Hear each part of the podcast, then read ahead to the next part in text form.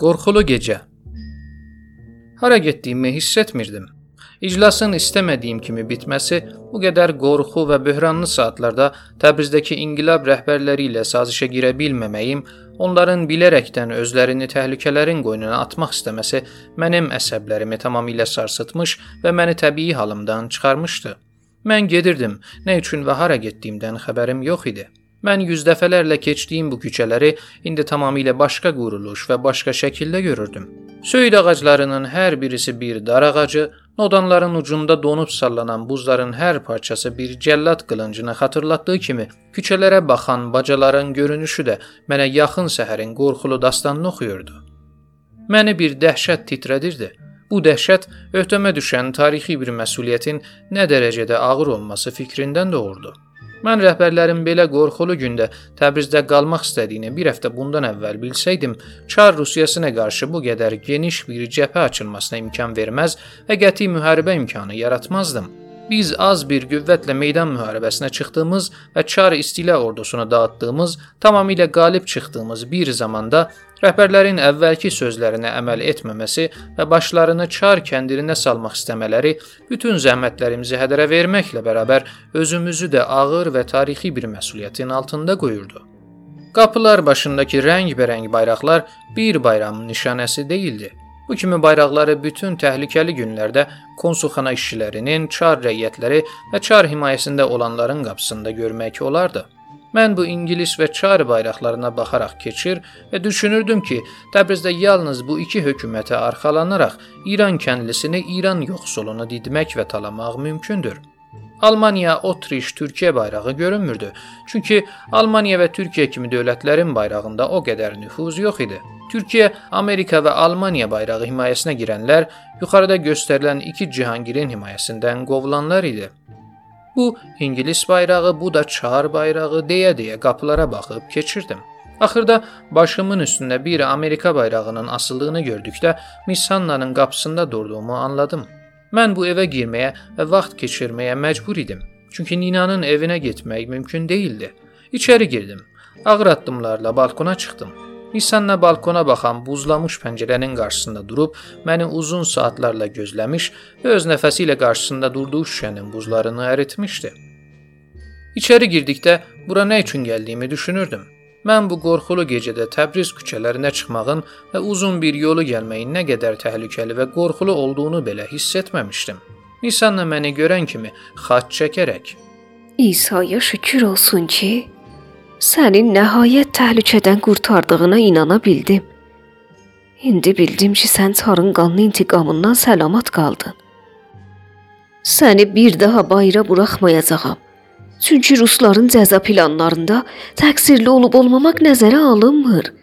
Cəza hər bir Təbrizli üçündür. Xalqi qorxutmaq və intiqam almaq üçün çar kəndirinə yüzlərcə boyun lazımdır. O boyun hər kəsin olursa olsun, fərqi yoxdur, dedi. Paltomu xidmətçi qadına verib oturdum. Əl üzümü yuyub paltarımı təmizlətdimsə belə yenə üst başımdan barət qoxusu gəlirdi.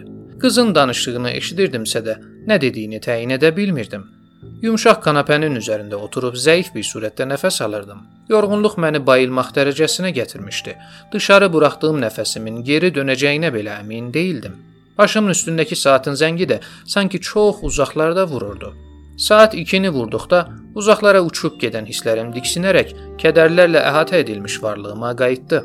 Alnımda bir istilik hiss edər etməz gözlərimi açdım. Misannanın gülərək yuxulu gözlərimin içinə baxdığını gördüm.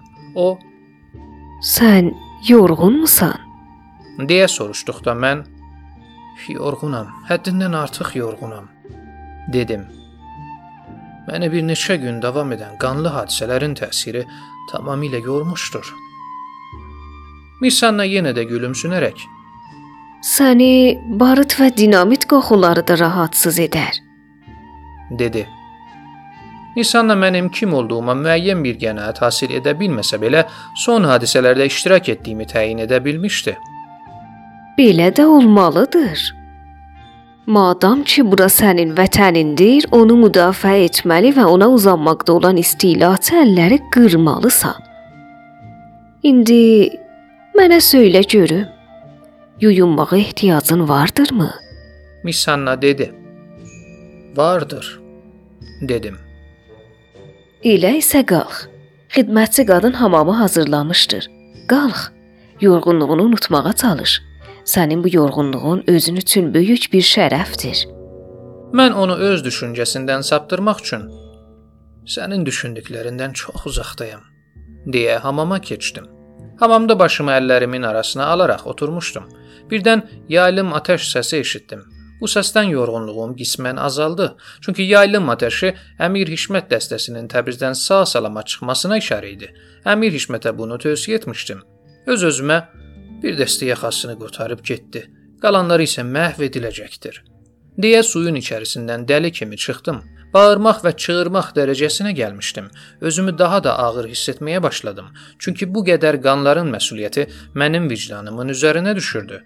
Mən yorğun vücudumu bir dağın ağırlığı altında hiss edirdim. Get-gedə dincəlməyə və qızın bir ahəngli sözlərini qavramağa başlayırdım. Qız sözünü yenə də son hadisələr üzərinə gətirərək Təşkilatları varmış.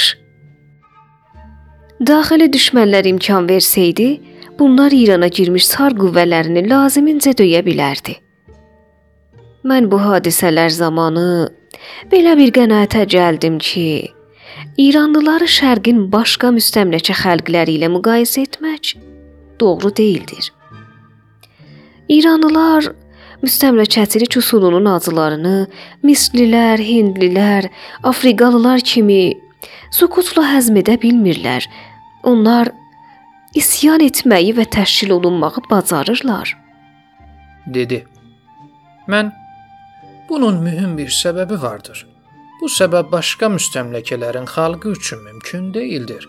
İranlılar öz qonşuluğunda baş verən silahlı qiyamlardan ruhlanmaya bilməz. Rusiyada işçilərin çar hökumətinə qarşı düzəltdiyi qanlı çıxışlar İran kəndisinə təsirsiz qalmadı. Onlardan bir çox şeylər öyrəndilər. İran inqilabçısı Rusiya inqilabçısının mübarizə üsullarını öyrəndi. Səttarxanın hərəkəti Rusiyadakı 5-ci il inqilabından alınan dərslərin birinci imtahanı idi. O bu imtahanı çox gözəl bir sürətdə verdi. Xətt hərəkətində zərrə qədər yanılmadı. O da öz qarşısında duran daxili və xarici maneələri bir inqilabçı kimi təsviyə etdi. Səttarxan daxili düşmənlə mübarizə etdiyi zaman daxili düşmənlərə yardım vermədə olan Çar hökuməti ilə də müvəffəqiyyətlə mübarizədə bulundu. Onların açıq müdaxiləsinə imkan vermədi.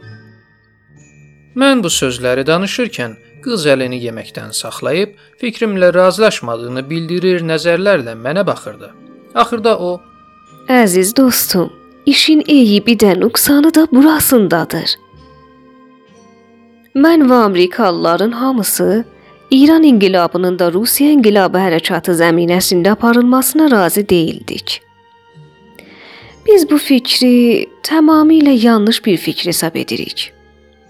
İşçi ölkəsində doğulmuş bir hərəkatı %100 kəndli ölkəsi olan İranda tətbiq etmək fikrini yanlış, hətta gülünc və uşaqcasına bir fikirdir.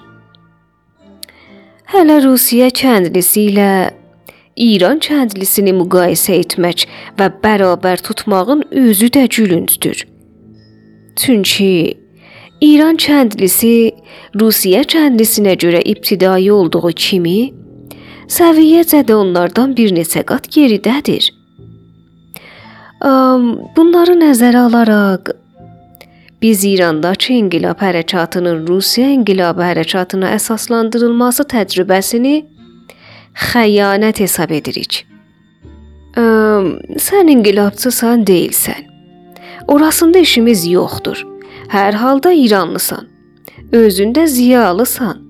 Belə bir fikrin intişarına çalışmalı və inqilabçıların yanlış fikrini özlərinə deməli və anlatmalısan, dedi. Gözəl dostum, mən heç bir zaman yanlış fikrin intişarına çalışa bilmərəm. Çünki sən öz fikrində yanılırsan, dedim. Misanna mənə təəccüblə baxaraq: "Əcəba, sən məni nə üçün anlamaq istəmirsən?" Xəbər aldı. Mən səni çox gözəl anlayıram. Sənin və sənin fikrini intişar etmək istəyənlərin fikri İran inqilabını yanlış yollara çəkmək və onu inqilab hərəkatı təşkilindən uzaqlaşdırmaq deməkdir. Qız acıqla Xeyr, belə deyildir. Hər bir ölkənin inqilabını onun mədəni səviyyəsi və yaşayış şəraiti yaradır. Rusiya işçisinin nə mədəni səviyyəsi, nə də həyat şəraiti İrandakı şəraitlə bir deyildir. Hətta onların tələb və istəkləri də başqadır.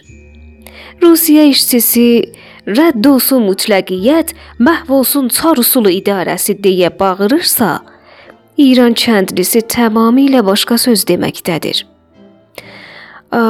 Bunlar nə padişahlıq rejimi əleyhinə mübarizə aparır, nə də Rusiya işçisi kimi proletar diktatorası tələbini meydana sürür.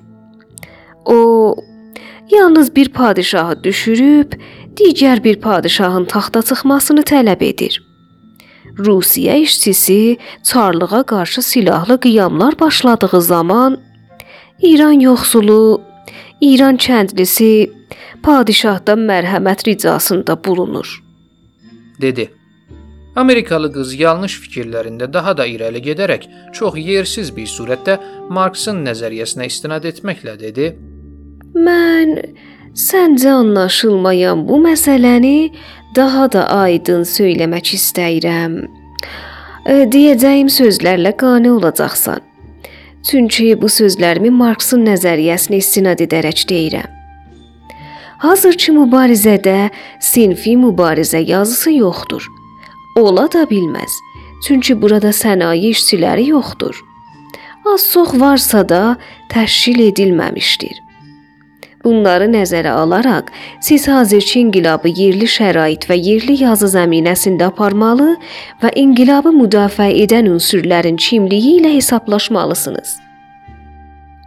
Əm, əksinə olaraq siz kütlələrin mədələri həzm edəməyəcək və səviyyələri əhatə edəməyəcək bir xətt hərəkətlə meydana çıxmış oldunuz.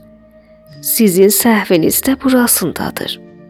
Mən Misanna ilə bu kimi mürəkkəb bir məsələ ətrafında mübahisəyə girmək istəmirdim. Buna məndə bir maraq da yox idi. Onu təbliğ etmək və onun fikrini dəyişmək üçün uzun bir vaxt lazım olduğunu bilirdim. Bu mübahisənin ümumi hərəkət nöqteyi nəzərindən əhəmiyyəti də yox idi. Danışdıqlarımız siyasi söhbətə Misanna yenə də öz eşqnaməsi ilə yekun vuracaqdı. Lakin mən iki şeydən birisini qəbul etməli idim ki, bu da ya sevgi fəlsəfələrini dinləmək, ya ki siyasi mübahisə açmaq. Çünki Misanna başqa heç bir söhbəti xoşlamırdı. Mən siyasi söhbətlərin hamısında ona müqabilə edə bilərdim, onun səhvlərini göstərər və onu sükuta məcbur edərdim. Sevgi söhbətlərində isə o mənə qalib gəlirdi, daima məni susdururdu. Mən heç bir zaman onun işlətdiyi hissi sözlərin qarşılığını tapa bilmirdim. Mən belə mövzulara əhəmiyyət vermirdim. Bəlkə özümdə belə bir qabiliyyətin mövcud olduğuna da inanmırdım. Zaten kişilərdə öz sevgisini incəliklə ifadə edə biləcək qabiliyyət çox azdır. Çünki sevgi danışıqlarını canlandırmaq, sevgiyə aid ifadələri bəzəmək üçün bəzən yalvarmaq və göz yaşları tökməkdə lazım gəlir ki, kişilər bunda qadınlar qədər bacarıqlı deyil. Hətta mən belə bir məsələni də düşünürdüm.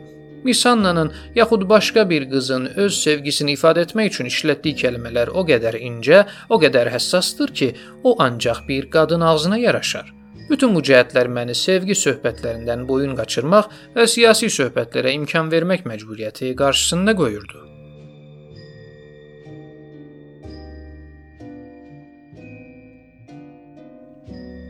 Kitabın adı Dumanlı Təbriz. Yazar Məhəmməd Səid Ordubadı. Hazırlayan Nurullah Purşərif. Bu bölümdə səsləndirdilər: Ravi Kamal Alqın, Misanna Mina Purheydər. Yönətmən Saray Tahiri, düzənləyən Səccad Müslimi. Bizim axağa qatılmaqla işimizin ardını tutmaqda bizə dəstək olun. Axağımızın adresi Dastanca. D A S T A N C A